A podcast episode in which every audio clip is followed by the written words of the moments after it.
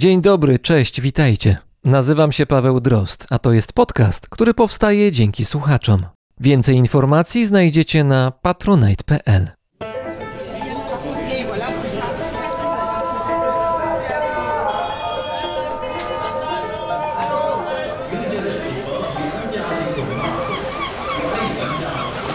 Brzmienie świata z lotu Drozda. Modlił się. Modlił się.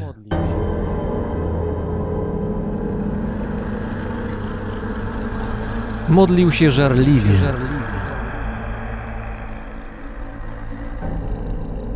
Sytuacja była poważna i tylko najpotężniejsze egzorcyzmy mogły stawić opór złemu, który tak niespodziewanie zaatakował.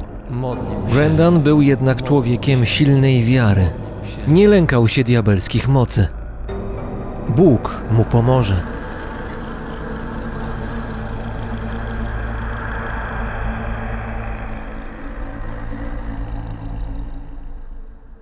Jeszcze niedawno byli u siebie, w Irlandii. Wielki rejs wyruszyli na małej, lecz bardzo dzielnej łodzi. Zbudowali ją zgodnie z najlepszymi tradycjami irlandzkich szkutników. Brendan nakazał załadować prowiant na 40 dni. Był przekonany, że zanim skrzynie z zapasami pokażą dno, załoga odnajdzie bezpieczną przystań i uzupełni braki. Jednak jak się okazało, niezbadane są wyroki Pana.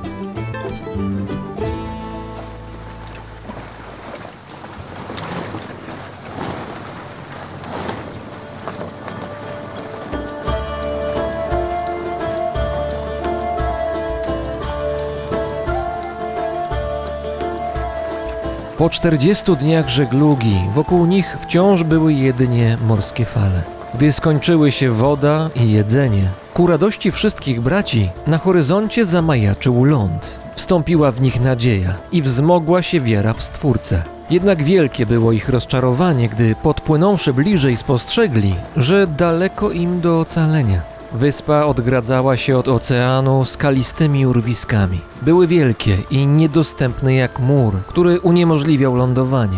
Brendan mówił głodnym i spragnionym zakonnikom, że muszą poczekać. Najwyraźniej Pan poddaje ich próbie. Za trzy dni ześle ratunek, a do tego czasu muszą pozostać silni. Bracia jednak nie słuchali. Z wysokich skał spływały do morza strumienie i gdy przepływali obok, spragnieni zakonnicy zbierali do misek wodę, którą natychmiast łapczywie wypijali. A przecież Brendan wiedział, że Bóg ich nie opuści.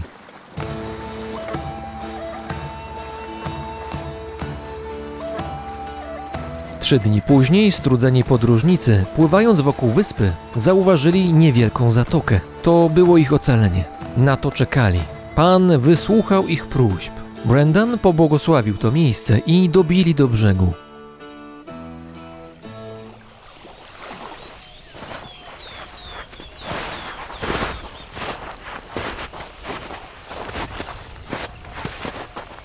Gdy bracia zeszli na ląd, pojawił się pies. Wyglądał tak, jakby na nich czekał. Podszedł bliżej do Brendana i gestem okazał mu szacunek, a ten wiedział już, że pod postacią psa krył się boski posłaniec. Ruszyli więc za zwierzęciem, aż ich oczom ukazała się wspaniała posiadłość, której nie powstydziłby się ani król, ani książę. Weszli do środka. Przepych tego miejsca onieśmielał. Na ścianach wisiały bogato zdobione naczynia i okazałe rogi, inkrustowane srebrem. Tu i ówdzie stały kanapy i siedziska, które obiecywały wędrowcom tak potrzebne wytchnienie. Brendan pozwolił podległym mu braciom na wypoczynek, zalecał jednak ostrożność. Był najstarszym i najmądrzejszym z całej grupy. Wiedział, że w tym pozbawionym ludzi miejscu czaić się może zło. Gdy mnisi odpoczęli, przeszli do kolejnego pomieszczenia. Tam przetarli oczy ze zdumienia. Było olśniewające. Na środku wielkiej sali stał długi, masywny stół, uginający się od jadła i napitku. Wybór był tak ogromny, że wygłodzeni mnisi nie wiedzieli od czego zacząć. Brendan odprawił dziękczynną modlitwę i bracia rozpoczęli ucztę. Gdy w końcu najedli się dosyta, polecił im, by poszli spać. Gdy już odchodzili, Brandon dostrzegł w rogu sali coś. Coś niedużego. Podszedł bliżej. Stał tam czarnoskóry chłopiec. Jego twarz szpecił dziwny grymas, który napełniał Brendana trwogą. Diabeł. Chłopiec patrzył na mnicha wyzywająco. Brendan zauważył, że złowroga postać w jednej ręce trzyma uzdę, a drugą wskazuje na jednego z odchodzących zakonników, który znikał właśnie za drzwiami jadalni. Brendan pojął wiadomość. Oto jeden z jego współbraci jest pod wpływem złego. Wiedział, że musi działać i rozpoczął egzorcyzmy. Będzie modlił się przez całą noc. Może uda się ocalić tego nieszczęśnika.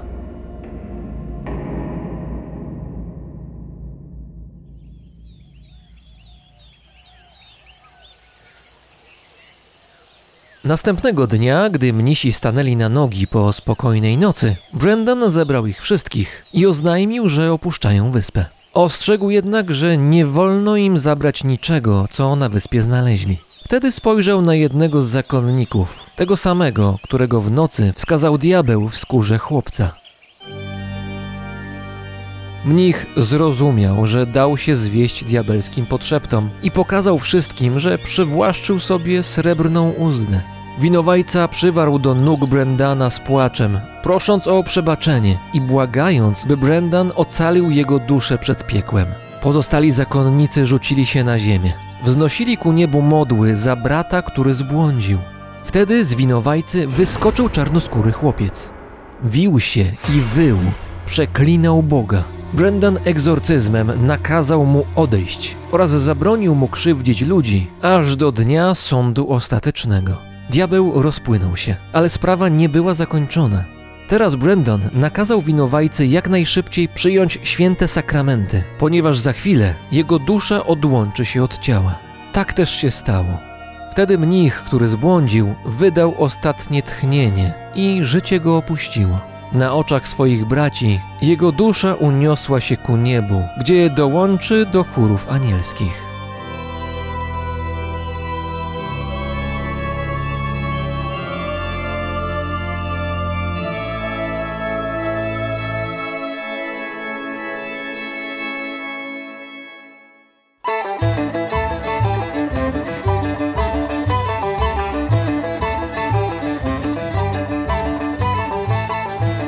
Opowieść, którą usłyszeliście, pochodzi z X wieku, a może nawet z czasów nieco wcześniejszych. Ma wiele wariantów i wersji. Centralną postacią jest tu święty Brendan, irlandzki mnich żyjący na przełomie V i VI wieku. Być może, ponieważ jego życiorys jest mieszaniną faktów, domniemywań i legend, które ewoluowały na przestrzeni wieków.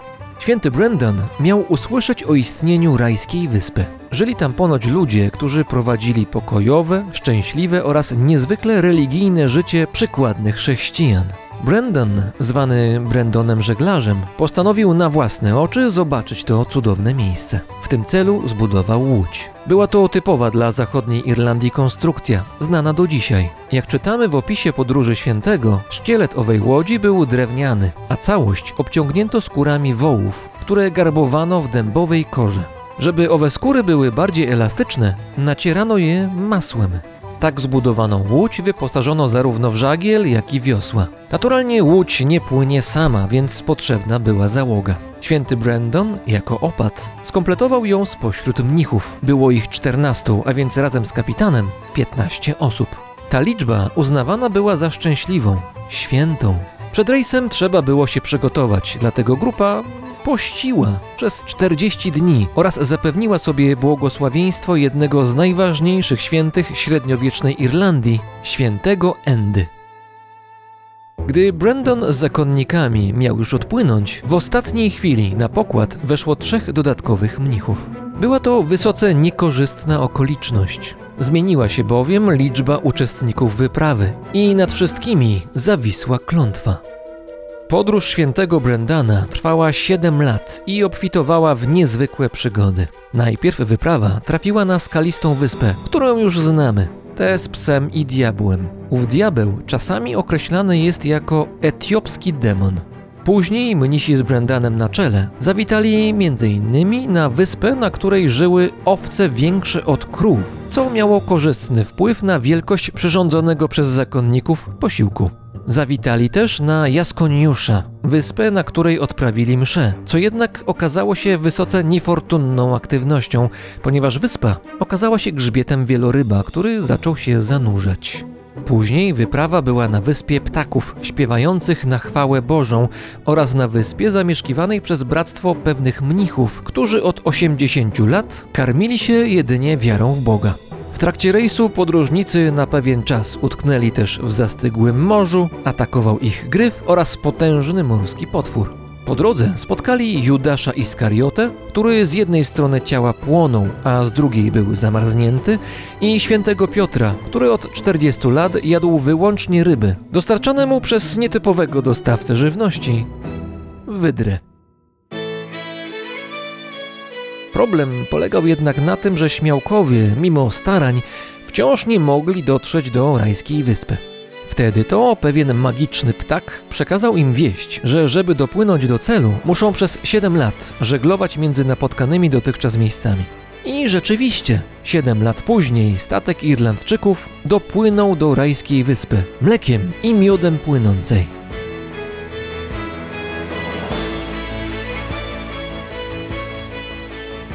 Opowieści o wyprawie świętego Brendana miały znaczenie nie tylko religijne, ale również geograficzne. Wyspa świętego Brendana, jak nazywano to cudowne, legendarne miejsce, była poszukiwana przez wielu. Bez rezultatu. Mimo tego, aż do końca XVII wieku owa wyspa istniała na mapach. Jej lokalizacja była niestała. Twierdzono, że znajduje się gdzieś w okolicy Azorów, na zachód od Portugalii, albo u wybrzeży Afryki Północnej a być może znajduje się w pobliżu Nowej Fundlandii, w Kanadzie. Są bowiem tacy, którzy z fantastycznej wyprawy Brendana wysnuwają przypuszczenie, że rejs ten opisuje faktyczne dokonania irlandzkich żeglarzy, którzy mogli być pierwszymi Europejczykami po drugiej stronie Atlantyku. By podnieść rangę tej tezy, Tim Severin, brytyjski pisarz i badacz średniowiecza, zbudował przy użyciu tradycyjnych technik typową irlandzką drewniano-skórzaną łódź. Takiej samej użyłby podczas swojego rejsu święty Brendan. Historyk razem z trzema załogantami wypłynął z Irlandii na zachód, by po 13 miesiącach dotrzeć do wschodniej Kanady. Zdaniem niektórych jest to niezbity dowód na to, że wczesnośredniowieczni żeglarze z Irlandii mogli docierać znacznie dalej niż wydaje się to historykom.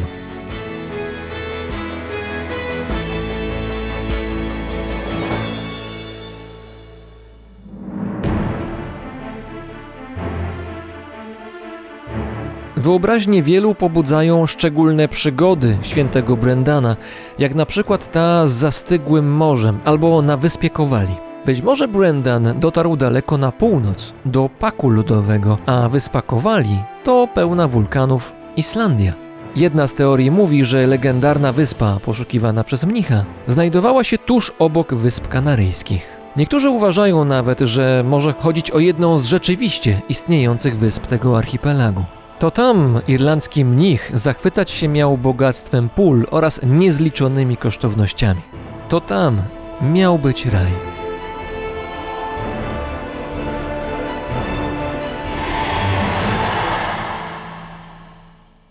W tym odcinku będziemy na jednej z wysp kanaryjskich, gdzie coś na kształt małego raju odnalazł mój gość. Mimo, że, o ile mi wiadomo, święty Brendan nie był dla niego inspiracją.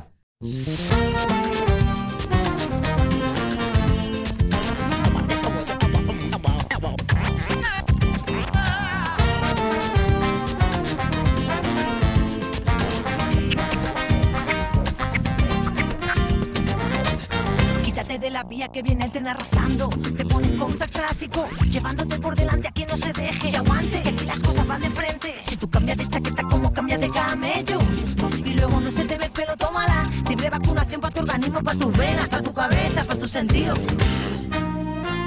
Pero ¿dónde estás metido? Contábamos contigo para ponernos para lo tuyo y para lo mío. ¿Y a dónde estás escondido tú? De buscar estás perdido. Contábamos contigo para ponernos tú? ¿Dónde estás metido, colega? ¿Quién quiere que te explique, está con la voz de lujo. Ah, Esto de King con los ojos de brujo. Nunca sabes lo que viene cuando un tipo así se cuela en tu grupo para estafarte a ti. Como duele, solo hace mal como la tele. Quieres dejar de mentir, pero no puede. Corre, huye, venga, salva tus pieles. Esta gente solo viene cuando se habla de papeles. Tú eres peor que Pedro Navaja. Primero montas el sarro y después te vas por patas. ¿Cuántas veces se te ha ido el autobús? Si es que mientes más que sabes. El puto máster del escaqueo. Mudar la cara y tomar el pelo.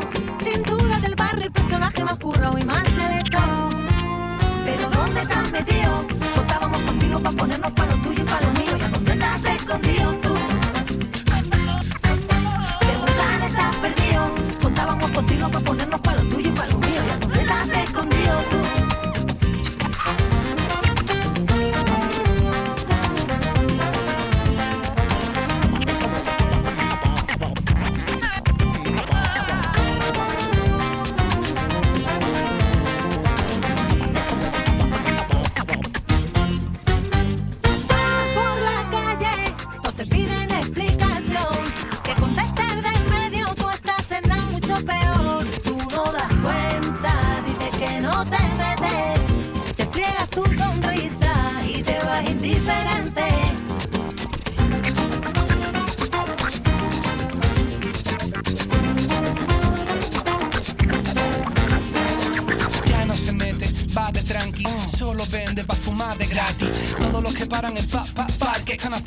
para pillarte al tarde y todavía está entero.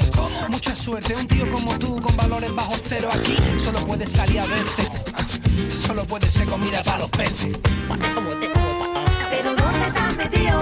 Contábamos contigo para ponernos para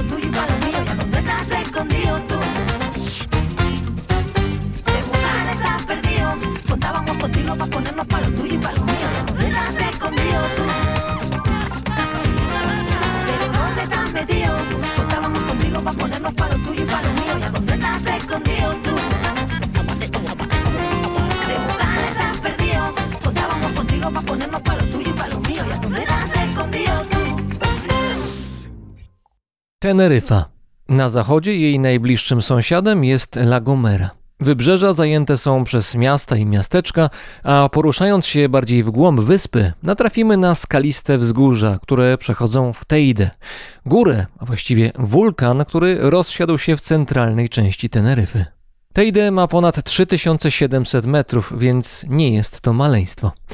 Gdzieś na tej wyspie, blisko dwa lata temu, zamieszkał znany w środowisku podróżniczym autor bloga Takie tam Stripa oraz organizator festiwali podróżniczych, czyli Zdzich Rabenda. Dzień dobry, cześć. Bon dia, Ola, witam serdecznie. O tym, że Zdzich mieszka na Teneryfie, mogliście usłyszeć po raz pierwszy jakieś półtora roku temu.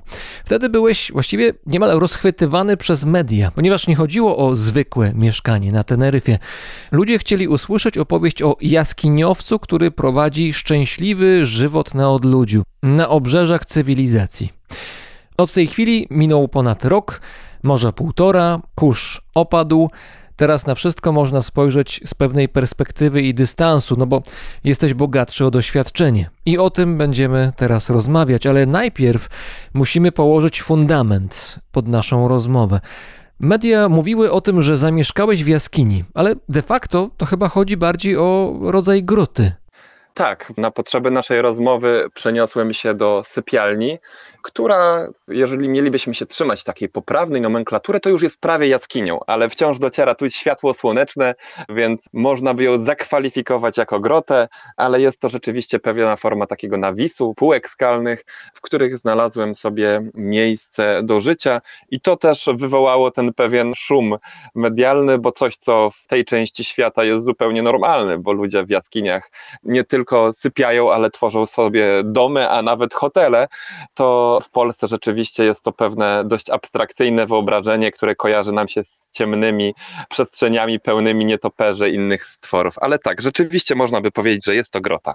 Oprócz tego, że nietoperze i tak dalej, i różne atrakcje, które z nietoperzami są związane, i mam na myśli tutaj na przykład zapach, którego akurat chyba u ciebie tego problemu nie ma, ale przede wszystkim to, co zwróciło uwagę na twoją historię, na twój przypadek, to jest jakiś rodzaj romantyzmu, które się za tym kryje. Nie wiem, czy faktycznego, czy domyślnego, to też porozmawiamy o tym, ale najpierw powiedz, jaka była droga do tego miejsca, do twojej groty, do twojej jaskini. To była realizacja jakiegoś głęboko przemyślanego planu, czy raczej efekt przypadku, jakiegoś impulsu? No bo wiesz, jest takie hasło rzucić wszystko i zamieszkać w Bieszczadach, ale może to jest także rzucić wszystko i zamieszkać w grocie na Teneryfie.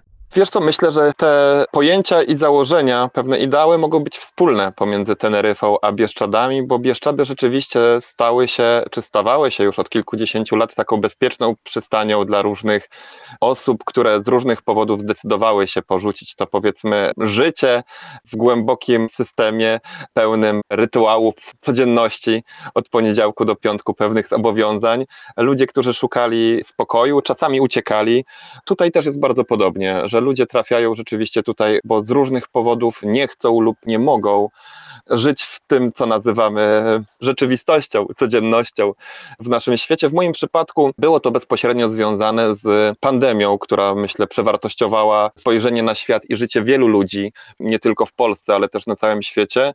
Ja po tej wiosennej fali lockdownów, kiedy widziałem poczynania naszego miłościwie panującego rządu, poczułem, że jesienią będzie jeszcze trudniej lub powiedzmy moje możliwości zarówno mobilności, jak i pracy zawodowej, ponieważ pracuję zawodowo jako od lat jako twórca warsztatów, mówca publiczny, więc wszelkie szkoły, domy kultury, inne przybytki na ten czas miały być zamknięte, tak też się stało. Udało mi się w ostatnim momencie przed wszystkimi ograniczeniami wyjechać na wyspę. No i to była decyzja podjęta w pewien sposób spontanicznie. Nie był to żaden projekt, plan czy wiele innych takich słów, których się używa w żargonie, powiedziałbym, podróżniczo-reporterskim, co po prostu był wyjazd, aby uniknąć tej ponurej atmosfery związanej z pandemią. Więc trafiłem tutaj bez większego planu. Nie było też założenia, że będę mieszkał w jaskini. To wszystko przyszło, niby powiedzieli, że przypadkiem, inni, że kosmicznym porządkiem świata, jak ja to lubię używać tego określenia. I tak się tutaj znalazłem. No dobrze, przyjeżdżasz na miejsce, szukasz wolności ucieczki przed pandemią i jej obostrzeniami. No i nie wiem, szukasz hostelu, zaglądasz na Airbnb, czy od razu idziesz w góry i zakładasz, że coś tam znajdziesz? Jak to było? W moim konkretnym przypadku podróżowałem z moją ówczesną partnerką po wyspie, najpierw sam wynajmując samochód, jak to często bywa, kiedy chce się poznać nowe miejsce. No i poznałem właściwych ludzi we właściwym miejscu z Polski, swoją drogą, którzy wspomnieli o miejscu, gdzie mieszkają. Cała historia jest dość długa i złożona, ale na kilka dni zatrzymałem się w miejscu otoczonym z jednej strony cywilizacją, z drugiej dość dzikim, gdzie wiedziałem, że będzie można spędzić chwilę ta chwila w tej chwili urosła do okresu dwóch lat i mocno zmieniła całe moje życie, a to miejsce, w którym obecnie mieszkam, zostało zasiedlone prawie od zera. No właśnie, bo ja sobie to wyobrażam trochę tak, że jest sobie jakiś rejon górzysty czy górzysty, skalisty, gdzie są właśnie jakieś zagłębienia skalne, które grotami albo jaskiniami możemy nazywać i nie jesteś jedynym tam, prawda? Bo tam jest was troszkę więcej, o tym za chwilę może, ale na jakiej zasadzie dokonałeś wyboru? Nie wiem, sprawdziłeś kwestię nasłonecznienia, sprawdzałeś gabaryt ewentualnych pomieszczeń, czy to było tak, że o, jest wolne, to wchodzę natychmiast? Na pewno oparłem się na pewnym doświadczeniu, które miałem z takiego życia, nazwijmy to survivalowego, bo szczęśliwie udało mi się zebrać w ciągu wielu lat życia trochę doświadczeń spania na dziko, w związku z czym gdziekolwiek wybieram się, będąc gdzieś w trasie, szukając miejsca do spania, naturalnie już masz w sobie, przynajmniej gdzieś mi się udało nabyć w sobie taką czujność, w jaki sposób się rozbijać, żeby zwrócić uwagę na kierunek wiatru, nasłonecznienie, to wszystko w zasadzie o czym powiedziałeś. Tutaj jest jeszcze dodatkowy aspekt tego, aby teren był odpowiednio równy, bo miejsce, w którym żyjemy, to nazywamy barankiem, to jest nawiązanie do hiszpańskiego słowa baranko, czyli wąwóz. I rzeczywiście tutaj jest dość stromo, więc znalezienie też odpowiednio płaskiego terenu nie jest takie proste. Dopomogło troszeczkę szczęście, bo na samym początku nie uwzględniałem pewnych zdarzeń i zjawisk pogodowych, które bardzo wpływają na życie tutaj, a po prostu nie były mi dotąd znane, jak choćby wiatr ze wschodu nazywany kalimą. To jest bardzo silny wiatr z nad Afryki, z nad Sahary, który przynosi też drobne cząsteczki piasku i sprawia, że rzeczywistość, wszystko co widzisz w oku zmienia się w taką postapokaliptyczną. Wygląda to trochę jak w jakimś Mad Maxie. Kiedy kalima nadchodzi, ja jestem w taki sposób usytuowany, że jestem bezpieczny względem kalimy. Moje miejsce jest też wodoodporne, wiatroodporne, jako jedno z niewielu tutaj w całej okolicy, więc e, myślę, że tutaj odrobinkę wiedzy i sporo szczęścia pozwoliło mi znaleźć miejsce, które nazwałbym niemal idealnym do życia w plenerze. A były jakieś inne groty, mogłeś wybierać, czy to było tak, że jednak wybór był tylko jeden ze względu na możliwości zastane? Można było wybierać, bo kiedy się tutaj pojawiłem w listopadzie dwa lata temu, nie było jeszcze wcale jakoś bardzo dużo ludzi. Raz, że pandemia ograniczała możliwości przemieszczania się. Dwa tygodnie po moim przejeździe nie można było się w zasadzie już tutaj za bardzo dostać, a później nawet przemieszczać między wyspami, więc nie było jeszcze bardzo tłoczno i też życie na Wyspach Kanaryjskich, jak w wielu innych miejscach na świecie, ma charakter sezonowy. Ja sam posługuję się takim określeniem, że właśnie zacząłem mój trzeci sezon na Teneryfie, ponieważ bardzo częstą praktyką jest przyjeżdżanie tutaj na okres zimowy, kiedy w Polsce, reszcie Europy robi się zimno i nieprzyjemnie, a tutaj temperatury w okresie zimowym to są wciąż temperatury na krótki rękawek, oscylujące tam w granicy plus minus dwudziestu kilku stopni. Dlatego też rzeczywiście zimą baranek wypełnia się ludźmi i to potrafi być kilkakrotność, jeżeli chodzi o liczbę mieszkańców. Z kilkudziesięciu może to urosnąć do kilkuset, więc kiedy znajdziesz się tutaj odpowiednio wcześnie, to wybór i możliwości będą troszeczkę większe. Paradoks jest taki, że to miejsce, w którym obecnie mieszkam, kiedy się tutaj pojawiłem po raz pierwszy, w ogóle nie było przez większość osób rozpatrywane jako atrakcyjne. Okazuje się, że jest zupełnie inaczej. Ale rozumiem, że to nie jest tak, że obowiązuje jakiś system rezerwacji elektronicznej, mogę sobie zabukować taką grotę, która akurat jest wolna, tylko kto pierwszy, ten lepszy, czy nie wiem, znajomi jakoś stawiają jakąś tabliczkę zajęte, czy jakoś to inaczej się odbywa? Jako, że to miejsce nie jest miejscem, do którego ja czy moi sąsiedzi posiadamy prawo własności, ono przynależy częściowo do samorządu lokalnego, częściowo gdzieś jest w rękach prywatnych, no ale nikt nie może zasłonić czy wybronić powiedzeniem to jest moja własność i nieruchomość tymi określeniami, którymi potwierdzamy prawo do miejsca do życia w świecie znanym nam w Polsce czy w wielu miejscach świata, to opiera się to na troszeczkę innych zasadach. To znaczy, jeżeli miejsce jest rzeczywiście puste, nie ma śladów bytności po innych osobach, no to wtedy nie masz żadnych wątpliwości i oporów. Natomiast jeżeli są ślady użytkowania takiego miejsca, widać, że ktoś tu mieszkał lub mieszka, to najpierw warto się upewnić, czy przypadkiem nie wchodzisz do czyjegoś domu bez pytania. Warto porozmawiać z sąsiadami, ale teraz już mogę powiedzieć na przestrzeni lat, kiedy no, zmieniło się też troszkę, sam wyjeżdżam też na okres często kilku miesięcy, w tym roku mnie nie było przez prawie pół roku w trakcie lata. Warto mieć jakąś dobrą duszę, która będzie się tym opiekowała. W moim przypadku była to para moich znajomych, przyjaciół, którzy mieszkali tu przez okres lata w tym roku. W wielu innych przypadkach też, kiedy ktoś dogląda tego miejsca, można w pewien sposób, powiedzmy, zarezerwować je, choć też nie podoba mi się za bardzo to określenie, mieć kogoś, kto będzie nad tym czuwał. Jeżeli byśmy stąd wyjechali, nie byłoby na to wiele miesięcy i nie powiedzielibyśmy nikomu o tym, to z dużą dozą prawdopodobieństwa po upływie powiedzmy pół roku można by być zaskoczonym widząc tu kogoś zupełnie innego. No i rzeczywiście wówczas byłoby sprawą dyskusyjną, kto mógłby tu mieszkać, a kto nie, bo prawo zasiedzenia rzeczywiście ma dość duże znaczenie. Powiedziałeś o tym, że przez pół roku cię mniej więcej nie było na Teneryfie, do tego jeszcze potem chcę wrócić, natomiast no, przyjeżdżasz na miejsce po pół roku, idziesz do swojej jaskini, do swojego domostwa, gdzie włożyłeś swój czas, swoje serce, żeby to wszystko przygotować, żeby to wyglądało tak, jak wygląda. No, jest to domostwo pełną gębą, chociaż bez ścian z jednej strony na pewno. Tak. Jest to miejsce twoje, a tutaj ktoś sobie załóżmy mieszka. Nawet nie musi używać twoich mebli, czy tam tego, co zrobiłeś, przygotowałeś, ma swoje. I teraz no co zrobisz? Nie masz do tego prawa własności, nie możesz powołać się na, na rezerwację, czy na jakikolwiek dokument, nie masz żadnych dowodów, a nawet jakbyś miał, no to, to co możesz zrobić właściwie? To brałeś pod uwagę taką możliwość, że że możesz, mimo tych środków bezpieczeństwa, czyli tych znajomych, którzy pilnują i doglądają, mimo pewnego prawa zwyczajowego, że ktoś może po prostu zignorować to, no bo to jest pewna wolność, która też ma pewne swoje wady, dlatego że no skoro wolność, to każdy może robić to, co chce. Oczywiście, to jest bardzo trafne spostrzeżenie. Wydaje mi się, że punktem wyjścia tutaj jest świadomość tego, że nic nie trwa wiecznie samej tej społeczności, nazwijmy to, w której się znalazłem, była taka historia z wiosny tego roku, gdzie z różnych względów przynajmniej kilkadziesiąt osób musiało opuścić swoje domostwa. To nie były jaskinie w klasycznym tego słowa rozumieniu, ponieważ były to bardziej domki, obozowiska czy namioty, ale za sprawą interwencji, nazwijmy to oficjeli, mieszkających tutaj, zarządzających pewnymi terenami, ludzie musieli opuścić swoje miejsce zamieszkania po wcześniejszej informacji. Nawet dostali listy z samorządu lokalnego. A jak można dostać listy, jak się mieszka w grocie? To chyba nie ma adresu przecież. W tym przypadku to byli pracownicy, którzy odwiedzali, powiedzmy, wizytowali mieszkańców, przynosząc taką informację, że za kilkanaście dni będzie przymusowa eksmisja, więc do tego czasu należy opuścić ten teren, a jeżeli nie, no to będzie wiązało się to z pewnymi konsekwencjami związanymi z przepadkiem jakiegoś mienia.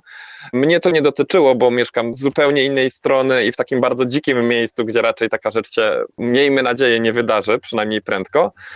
Ale jeżeli ktoś mieszka, o, helikopter mi nad głową przeleciał, No to takie bezludzie jednak troszkę ludzkie. Za chwilę, za chwilę też chciałem o to cię zapytać, jak to wygląda, ale proszę kontynuuj, jak to tam wygląda z tymi eksmisjami na bruk albo bardziej może na skałę.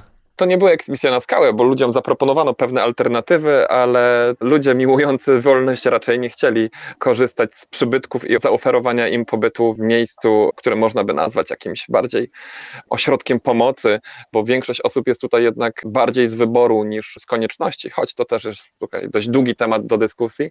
Natomiast jeżeli ktoś mieszka w takich miejscach przez wiele lat i jest w stanie to udokumentować, to miałem okazję i poznać osobiście i odwiedzić ludzi i miejsca, którzy dorobili się swojej skrzynki pocztowej i numeru możliwości dostarczenia pocztą w miejscu, które zasiedlili wiele lat temu i stało się ich domem. Natomiast ja mam cały czas świadomość, że to nie trwa wiecznie i jestem bardzo wdzięczny za to, że otrzymałem możliwość, częściowo stworzyłem sobie możliwość życia w takiej przestrzeni, w takich okolicznościach, ale gdyby nagle któregoś dnia doszła do mnie informacja, że muszę je opuścić, to musiałbym się z tym najzwyczajniej w świecie pogodzić. Nie toczyłbym jakiegoś wielkiego protestu, bo też nikogo za bardzo nie pytałem, aby móc się tutaj znaleźć.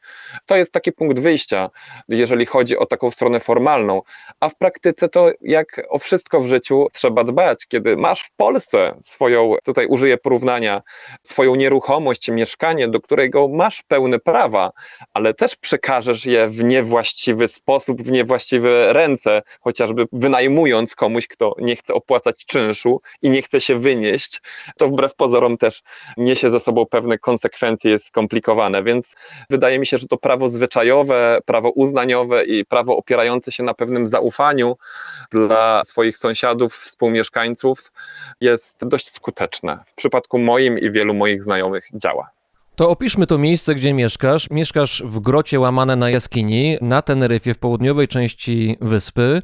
Niedaleko, właściwie no ile tam, pewnie z kilometr, 500 metrów, coś takiego, jak tam kiedyś widziałem na zdjęciach, jest właściwie regularne miasto, które wygląda po prostu jak miasto wyspiarskie, miasto hiszpańskie. Tak. Jednocześnie wiadomo, że masz jakichś sąsiadów mieszkających w innych grotach i jaskiniach, jest jakiś rodzaj społeczności, też będziemy o tym rozmawiać, ale z drugiej strony, z trzeciej może właściwie, latają śmigłowce. Jeszcze wcześniej, zanim zaczęliśmy nagrywać tę rozmowę, musiałeś się przenieść, tam na pięterko chyba do siebie musiałeś wejść do sypialni, żeby było Do trochę ciszej, bo tak. jakieś, jakieś urządzenia budowlane gdzieś w okolicy hałasowały na tyle, że mogłoby to przeszkadzać w naszej rozmowie, czyli no, cywilizacja, ale nie do końca cywilizacja. Jak opiszesz to miejsce, w którym się to twoje domostwo znajduje?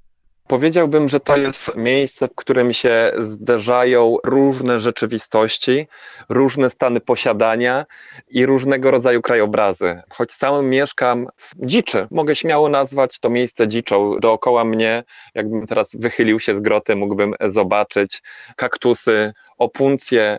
Obok miejsca, w którym kilkadziesiąt metrów poniżej mam wykopaną toaletę, znajdują się gniazda myszołowów, gdzie każdego ranka możesz sobie serwować Animal Planet, obserwując, gdy myszołowy karmią swoje młode. I jest poczucie życia w naturze z pełnym inwentarzem, z jaszczurkami, dzikimi królikami, wieloma różnymi stworzeniami.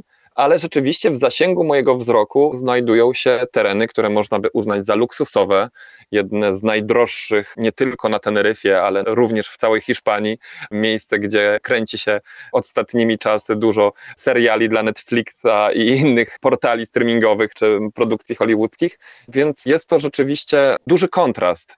I ten kontrast widać na wielu różnych płaszczyznach, zarówno pomiędzy luksusowymi willami i dzikim wąwozem, jak i pomiędzy majaczącym na horyzoncie zestawieniem pomiędzy willą a lepianką, bo również można bezpośrednio vis-a-vis zobaczyć takie obrazy, które kiedy podróżowałem po świecie przez lata na różnych kontynentach, zawsze było dla mnie takie szokujące, kiedy trafiałem do jakichś obszarów mocno zurbanizowanych w takich miastach jak Mumbai czy New Delhi, gdzie pewnego rodzaju slumsy czy miejsca, gdzie mieszkali mniej zamożni ludzie, kontrastowały z drapaczami chmur i luksusowymi samochodami. Tutaj jest dość podobnie z tym, że z racji tego, że jesteśmy na tropikalnej wyspie, która jest uznawana za turystyczny raj, raczej atmosfera jest pogodna i również ci ludzie, którzy mieszkają w tej części, nazwijmy to, mniej zamożnej, wiodą dość bezstresowe życie. Więc jest to pewne zderzenie światów. Kiedy przyjechałeś na miejsce i zainstalowałeś się w swojej grocie jaskini, która wtedy była prawdopodobnie niczyja, bo prawdopodobnie była pusta zupełnie, musiałeś się jakoś urządzić, musiałeś to jakoś zorganizować, żeby dało się w tym normalnie żyć, bo nie chodzi o to, żeby się położyć na gołej ziemi, na skale i się rozkoszować tym, że cię kuje w plecy, jednak trzeba było jakoś to oswoić, to miejsce E, i włożyłeś to bardzo dużo pracy i pewnie dalej w to wkładasz. Jak to jest zbudowane, to domostwo twoje? No wiemy, że jest sypialnie na pewno. E, Jest, można powiedzieć, dwupoziomowe. Na górnym piętrze mam sypialnię, która w tej chwili no, już jest całkiem rozległa, ponieważ mam tutaj trzy łóżka. Jedno moje, dość duże, plus jakieś łóżka dla potencjalnych gości. Czasami też tutaj seansy filmowe są organizowane. Na przestrzeni czasu udało mi się trochę zurbanizować, czy może ucywilizować, chociaż też nie lubię tego określenia, to miejsce do tych standardów znanych z codziennego życia, ponieważ rzeczywiście na początku była tu sama skała. Pierwszą rzeczą, jaka się pojawiła, był hamak, który zawisł jeszcze nad dość dużą stromizną. Później zrobiłem piekarnik kamienny, bo lubię też takie powiedzmy majsterkowanie i, i prace około survivalowe, więc dla mnie to też było bardzo dużo radości, jako dla osoby, która wywodzę się z miasta, urodziłem się w Tychach i większość mojego życia spędziłem na osiedlu, można powiedzieć, ale zawsze plener, outdoor i wszystko, co związane z życiem w naturze było mi bardzo bliskie, więc dało mi bardzo duże pole do popisu spełniania trochę marzeń. Ja już użyłem kilka razy w rozmowach takiego porównania, gdy masz takie dziecięce marzenie o budowie domku na drzewie. Miałeś takie marzenie może w sobie jakieś, żeby wybudować coś będąc dzieckiem?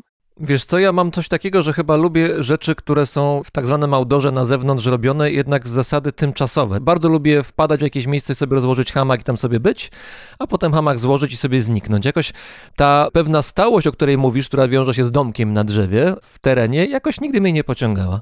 Rozumiem. No ja miałem jakiś może z racji tego braku w codzienności, gdzieś się u mnie pojawiało takie małe marzenie i ono się tutaj miało możliwość zrealizować, ziścić. Po prostu daje dużo pole do popisu. Nigdy nie miałem ogródka, tutaj mogę sobie posadzić jakieś roślinki. No ale gdzie, na skałach tam coś rośnie, naprawdę? Tak, tak. Tutaj, słuchaj, w tej chwili patrzę się na dziki tymianek, który mi rośnie sam z siebie. Dzika szałwia, wiele różnych roślin, mimo skąpego terenu, jest w stanie znaleźć tutaj przestrzeń dla siebie. A, akurat wczoraj kupiłem kilkadziesiąt litrów ziemi, żeby trochę rozbudowywać ogródek, więc trzeba rzeczywiście się też czasami nastarać. Jeżeli chciałbyś mieć tutaj owoce czy warzywa, to rzeczywiście potrzeba trochę lepszej jakości gleby. Ten proces był ciągły, gdzieś trwał i wciąż trwa, chociaż udało się osiągnąć pewien poziom komfortu. Można by to w ten sposób określić. Zresztą ja często też zauważam pewną dysproporcję, czy może różnicę pomiędzy tym, kiedy wyruszasz gdzieś w odległe miejsce i chcesz tam zamieszkać, a kiedy jesteś w podróży. Bo bardzo często mówi się o tym, że kiedy wyruszasz w drogę, to opuszczasz swoją strefę komfortu w pewien sposób, bo masz na co dzień wygodne łóżko, dom, prąd, wodę i tak dalej, i tak. A tutaj ten proces jest odwrócony, bo strefa komfortu była dość niska na początku. Nie chcę mówić zerowa, bo już sam dach nad głową chociażby był ze już jest pewnym komfortem i udogodnieniem, ale wraz z upływem czasu chodziło i chodzi wciąż o poprawianie swojej strefy komfortu. Oczywiście można żyć w sposób pustelniczy czy ascetyczny i nie korzystać z tego, natomiast ja rzeczywiście dość mocno ten komfort poprawiłem poprzez zainstalowanie tutaj chociażby jakiejś konstrukcji, na której pojawiło się łóżko, kanapa, w dalszej części prąd w formie instalacji fotowoltaicznej, za którą się pojawiły kolejne, nazwijmy to, dobrodziejstwa współczesnego świata, jak komputer, blender, czy być może zabrzmi to teraz abstrakcyjnie, ale w sypialni, w której się znajduję, mam klimatyzację, która jest sprawna. Klimatyzację w grocie, ale mnie się wydawało, że groty czy jaskinie mają generalnie to do siebie, że jakiś rodzaj naturalnej klimatyzacji się w nich zawiera. Tak, rzeczywiście. Tutaj, gdzie w tej chwili się znajduję, temperatura jest dość przyjemna. Przez całą zimę jest ciepło, ponieważ skała absorbuje ciepło w ciągu dnia, oddaje wieczorami. Z kolei latem jest troszeczkę chłodniej, ale pamiętajmy o tym, że wciąż jesteśmy na mniej więcej na wysokości Sahary Zachodniej i Mauretanii. I tutaj latem potrafi być bardzo gorąco. To akurat nie była moja inicjatywa. Moi znajomi, którzy mieszkali tutaj pod moją nieobecność, znaleźli na śmietniku taki klimatyzator sprawny, zainstalowali tutaj i rzeczywiście, kiedy były takie bardzo gorące dni, to dostarczało im odrobinę ochłody, a że prąd pochodzi z energii słonecznej, gromadzę go w baterii, w akumulatorze, to powiedzmy, że zużycie energetyczne i ślad węglowy jest minimalny i można pozwolić sobie na klimatyzację w grocie.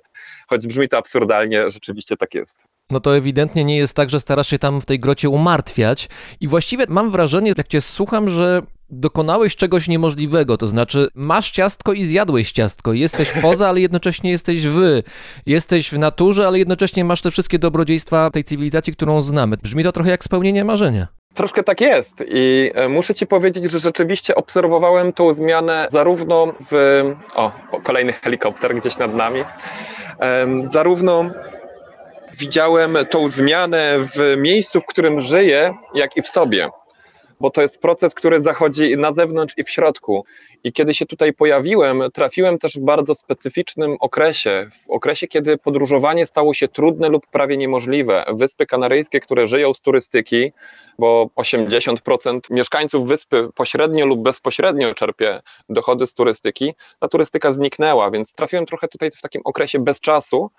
W tej chwili mieszkam na Kanarach, które z powrotem stały się jednym z najpopularniejszych turystycznie kierunków na całym świecie, bijąc rekordy milionów odwiedzających turystów. Ta wyspa, którą obserwowałem, się zmieniała i moje życie też się zmieniało. Na początku byłem zachwycony tym, że wyłączyłem się z systemu, że zacząłem żyć gdzieś w czasie, kiedy nie można było się za bardzo przemieszczać. Było bardzo wiele ograniczeń. Ja żyłem w przestrzeni pełnej, było w tym dużo więcej wolności niż ograniczeń, co było bardzo piękne ale tak jak się wszystko zmieniło w pewnym sensie wraz z pandemią, to tak dużo tych zmian zachodziło też u mnie. I w tej chwili, choć mieszkam w społeczności pełnej ludzi, którzy miłują sobie wolność, w większości wielu z nich nie używa też w żaden sposób waluty, pieniądza. To jest w ogóle temat na bardzo długą rozmowę. Ja sam od lat propaguję życie, które generuje oszczędności, jak chociażby recycling, friganizm, przeciwdziałanie marnowania żywności, ale też z racji tego, że zacząłem odkrywać wyspę, poznawać ją lepiej. Zacząłem pracować jako przewodnik, bo w wielu krajach, w których mieszkam przez dłuższy czas, zaczynam po jakimś czasie posiadać odpowiednią wiedzę, umiejętności, aby móc się tym dzielić z innymi. Więc w tym momencie mam zrealizowane pewne marzenie o życiu w plenerze, bo trudno mi się żyje w tej chwili w czterech ścianach. Muszę to szczerze przyznać. Spędziłem lato pracując w Niemczech, w wielu, zmieniając często miejsce zamieszkania i śpiąc w cztero czy pięciogwiazdkowych hotelach i nie czułem się z tym dobrze. Czuję się bardzo dobrze mieszkając w plenerze, obserwując sobie króliki, myszołowy, jaszczurki, a równocześnie mogę w pewien sposób realizować swoje pasje i zainteresowania, które gdzieś gromadziły mi się przez lata, więc jestem bardzo wdzięczny i cieszę się, że jestem w miejscu i położeniu tu i teraz, bo rzeczywiście jeszcze dwa lata temu nie spodziewałbym się, że tak to może wyglądać. Bardzo to wszystko pięknie brzmi, a pozwolisz, sprowadzę teraz to do prozy życia. Powiedz mi coś o toalecie tam na miejscu. Mnie interesuje, jak, jak buduje się wygódkę w warunkach skalnych. Mówiłeś, że wykopałeś, ale ja nie wiem, jak można wykopać w skale. To bardziej kilofan tam trzeba chyba pracować. Jak to się robi? Przede wszystkim chyba musimy zacząć od tego, że każdy ma swoją skalę komfortu. I to, co dla mnie już jest bardzo wysokim poziomem komfortu, dla kogoś innego może być czymś strasznym i trudnym do wyobrażenia, nawet w perspektywie jednej czy dwóch nocy.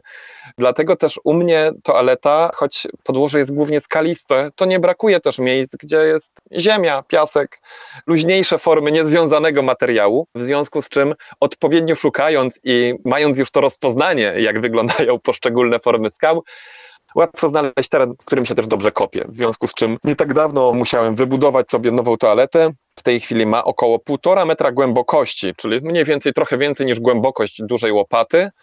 Zabudowana deskami z każdej strony i łopatka papier toaletowy, woda do tego. I w ten sposób mamy toaletę, która jest zasypywana ziemią, ewentualnie dodatkowo z dodatkiem roślinności. To, co mogę już na podstawie własnego doświadczenia dodać, to, że wiem, że jest to toaleta samokompostująca się, ponieważ dokładnie w tej chwili wykopałem dziurę w tym samym miejscu, w którym budowałem swoje pierwsze toalety dwa lata temu i cała ta ziemia się przekompostowała i w tej chwili mogę już, mimo że był to wcześniej wątpliwej jakości piach, to teraz dodaję odrobinkę tego do uprawy roślin, tak jak na każdym innym gospodarstwie w dowolnym zakątku świata i ten mechanizm działa. Więc taka toaleta służy przez okres kilku, do, może być do kilkunastu tygodni, zależnie od tego, czy jestem sam, czy akurat mam gości, bo, bo tutaj też nie ukrywam, że się pojawiają u mnie dość często znajomi. Więc wiem, że to działa, mam sprawdzone metody. Ważne jest to, że to jest kilkadziesiąt metrów dalej, poniżej obozowiska, a nie powyżej, żeby w przypadku deszczu tutaj nic przypadkiem nie spłynęło. I to działa. Działa bardzo dobrze, natomiast wiem, że to nie jest standard, który każdemu by odpowiadał, bo nie każdy jest przyzwyczajony do wychodka na wsi. A to jeżeli kiedykolwiek ktoś miał okazję, czy chociażby być na bazie namiotowej gdzieś w polskich górach, to jest dokładnie to samo. Także tak, dla mnie to jest komfort. Jak na tutejsze warunki jest to całkiem fajna toaleta, ale ktoś inny może chwycić się za głowę. Podobnie jest z wodą, bo woda jest w tej chwili chyba jedynym takim nazwijmy to dobrem cywilizacyjnym, które jest powszechne w domu prawie każdego z nas w Europie czy Polsce, a którą ja muszę przynieść gdzieś z innych miejsc, niezależnie czy jest to woda do picia czy do mycia. I to też dla mnie stało się normalne, nawet powiedziałbym, że jest formą treningu i przyjemności. Nie potrzebuję karty do multisporta, żeby iść na siłownię, po prostu biorę kilka baniaków z wodą na plecy i do rąk i, i w ten sposób uzupełniam swoje zapasy. Więc czy to jest komfort, czy niedogodność, to już zależy od człowieka. A ile litrów dziennie potrzebujesz, żeby samodzielnie normalnie spędzić dzień? Tutaj mam na myśli i gotowanie, i picie wody po prostu, mycie się, no, używanie do toalety, do podlewania roślin. Ile tego potrzebujesz? Myślę, że taka jedna bańka, czyli około 8 litrów, w zupełności wystarcza dla jednej osoby. To jest nawet aż nadto. Z myciem jest tak, że to wszystko też zależy od Twojej skali. Kiedy pojawiłem się tutaj dwa lata temu, no to taka bańka wody 8-litrowa wystarczała mi na kąpiel. W tej chwili półtora litrowa butelka w zupełności wystarcza mi do umycia się i nauczyła mnie takiego rozsądnego gospodarowania zasobami wodnymi i trochę szacunku do wody. Tego, żeby po prostu nie używać jej, kiedy nie jest to konieczne. No i od, oczywiście zastosowania pewnych rozwiązań, żeby tej wody zużywało się mniej. Mam też kran, umywalkę, suszarkę do naczyń, ale jest to powiedzmy na zasadzie survivalowej i te zasoby są uzupełniane na bieżąco, a nie doprowadzone w żaden sposób rurą. Tak to samo działa z prysznicem oczywiście, tutaj przy oceanie, przy plażach też są darmowe prysznice całodobowe, ogólnodostępne ze słodką wodą, więc wystarcza tak naprawdę przejście około 20 minut pieszo i, i mamy prysznic całkiem przyjemny z nawet ciepłą wodą, więc nie jest to jakiś koniec świata. Tak sobie wyobrażam ten moment, kiedy już osiadłeś w tym swoim nowym domostwie, już było łóżko, było jakieś udogodnienia, był, nie wiem, stół, krzesła, sypialnia częściowo mogła służyć za salę kinową, no jakoś tak cywilizacja jakoś nadeszła do tego miejsca i mogłeś usiąść, powiedzieć, okej, dobra, to już jest ten moment, ta baza jest zrobiona, mogę teraz trochę odpocząć, mam to swoje miejsce tutaj, jest to oswojone miejsce. Tak. I co dalej? Bo rozumiem, że bawiło cię to, żeby to wszystko konstruować, żeby, żeby się wkręcać w to, żeby tworzyć to, co jest y, dookoła. No jakiś rodzaj fajnej takiej sprawczości. Ja to rozumiem doskonale, bo podzielam to podejście. Chociaż pewnie majsterkowiczem takim dobrym jak ty nie jestem, ale, ale lubię też mieć wpływ na to, co się dzieje wokół mnie i wiedzieć, ok, to dzięki mnie jest. Jak tego nie zrobię, to tego nie będzie, ale jak zrobię, to będzie i to będzie moje, będzie przez to jakoś ważniejsze. No ale dobrze, zrobiłem, jest, istnieje, funkcjonuje, działa. I co dalej? Siedzę sobie i podziwiam widoki i na tym koniec? Bardzo fajnie, że, że o to pytasz, bo sam e, zadawałem sobie te pytania całkiem niedawno. Rzeczywiście, kiedy powstawał bardzo intensywny proces twórczy, proces budowania tej przestrzeni, zaangażowanie było od rana do wieczora. E, Nawet powstało takie sformułowanie, które jest tutaj często powtarzane przez wielu moich sąsiadów: nie robimy pustych przelotów. To oznaczało, że zawsze, kiedy idziesz do swojego domostwa, warto wziąć coś w ręce, żeby nie iść na pusto. Nieważne, czy to będzie kawałek deski, czy wody, czy czegokolwiek, co w pewien sposób podniesie ci ten komfort. Teraz nie ma tego. Wystarczy uzupełnić zapasy wody, jedzenia i mam tutaj naprawdę wysoki poziom tego komfortu, dzięki czemu pojawia się znacznie więcej czasu. Bo żyjąc w plenerze, żyjąc ograniczony, na, powiedzmy na granicy systemu, to nie jest tak, że masz nieskończoną ilość czasu wolnego, bo rzeczywiście wymaga to znacznie większego zaangażowania Twojego czasu, energii, sił, kreatywności, bo po prostu zamiast płacić za coś pieniędzmi, płacisz za to swoją energią. W tej chwili jest mi tym znacznie prościej, dzięki czemu pojawiła się przestrzeń na wiele nowych rzeczy. I akurat w moim przypadku, jako że ja jestem istotą lubiącą kontakt z naturą i bardzo lubię wędrówki i trekkingi, zacząłem eksplorować tą wyspę coraz bardziej, na różne sposoby. Dzięki temu też, że mam wielu przyjaciół posiadających wiele fajnych umiejętności, mogłem najpierw zacząć sobie odkrywać podwodną Teneryfę e, za sprawą nurkowania gdzieś, zresztą mam tutaj zestaw do nurkowania w swojej sypialni, jakkolwiek by to abstrakcyjnie nie brzmiało. Nurkowanie w grocie. Mam też kajak dmuchany akurat u znajomego na dole, żeby go nie wnosić. A tutaj muszę powiedzieć, że Zdzich jest jedną z pierwszych osób, o których ja słyszałem, że używają kajaków pneumatycznych, bo tak to profesjonalnie się nazywa. Tak jest. Kilka lat temu się o tym dowiedziałem i dzięki tobie między innymi się skusiłem na coś takiego i do dzisiaj bardzo sobie chwalę ten, ten wybór. To jeszcze było zanim kajaki pneumatyczne jakoś się zrobiły popularne i to było coś dziwnego. Pamiętam, że jak pływałem po raz pierwszy gdzieś tym kajakiem na polskich rzekach, to ludzie patrzyli na mnie jak na jakoś UFO. Teraz to już trochę spowszedniało, ale kiedyś to było coś. Bardzo się cieszę, że mogłem Cię w pewien sposób zainspirować. Ja w tej chwili, słuchaj, no mam sześć kajaków dmuchanych, z czego pięć znajduje, pięć znajduje się w Polsce po piwnicach u znajomych i w innych dziwnych miejscach. Ja w tej chwili mam tutaj jeden taki z przeźroczystym dnem, w ogóle fajny do obserwowania O, tego, co fajne. się dzieje. No, więc jak widzisz, możliwości jest dużo. Zacząłem też e, dużo wędrować po wyspie, przeszedłem ją, miałem kilka przejść takich dłuższych, że wyszedłem ze swojej jaskini przeszedłem przez pięć czy w sumie sześć dni na drugi koniec wyspy. No i dzięki temu gdzieś te moje horyzonty się troszeczkę poszerzały, co też sprawiło, że kiedy przyjechałem tu w zeszłym roku na tak zwany drugi sezon zimowy, zaczęli się do mnie odzywać e, znajomi, czy znajomi znajomych, albo czytelnicy gdzieś mojego bloga, pytający, czy mógłbym im pokazać coś na wyspie, gdzieś ich zabrać. I tak zaczęła się tutaj moja praca w charakterze przewodnika czy pilota. Zacząłem pokazywać ludziom takie moje, moje ulubione, ukochane zakątki wyspy, o których raczej nie przeczytasz w przewodnikach, które mimo milionów turystów, które odwiedzają wyspę, raczej są wciąż takimi perełkami dostępnymi dla, dla nielicznych.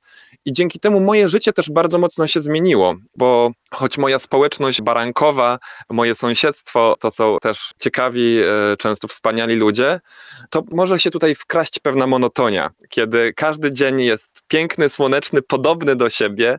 Rytuały codzienności też są podobne, jak zdobycie pożywienia, pozyskanie wody, zapewnienie sobie tego komfortu.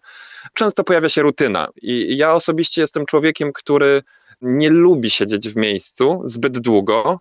Też nigdy nie byłem typem plażowicza, choć codziennie staram się chociaż na, na chwilę udać się nad ocean, żeby przepłynąć rundkę tam i z powrotem w ramach moich rytuałów, ale lubię, kiedy coś się dzieje. I to, co się zaczęło dziać wraz z tym, jak turystyka wróciła na wyspę, czyli jak przemieszczanie się stało prostsze, kiedy tanie linie lotnicze wróciły do regularnych połączeń kilka razy w tygodniu, zaczęło się też tutaj dziać bardzo dużo, więc tak na dobrą sprawę, no nie mam czasu na nudę. Mogę ci powiedzieć, że też jestem jedną z niewielu osób u, nas w Baranku, które noszą zegarek.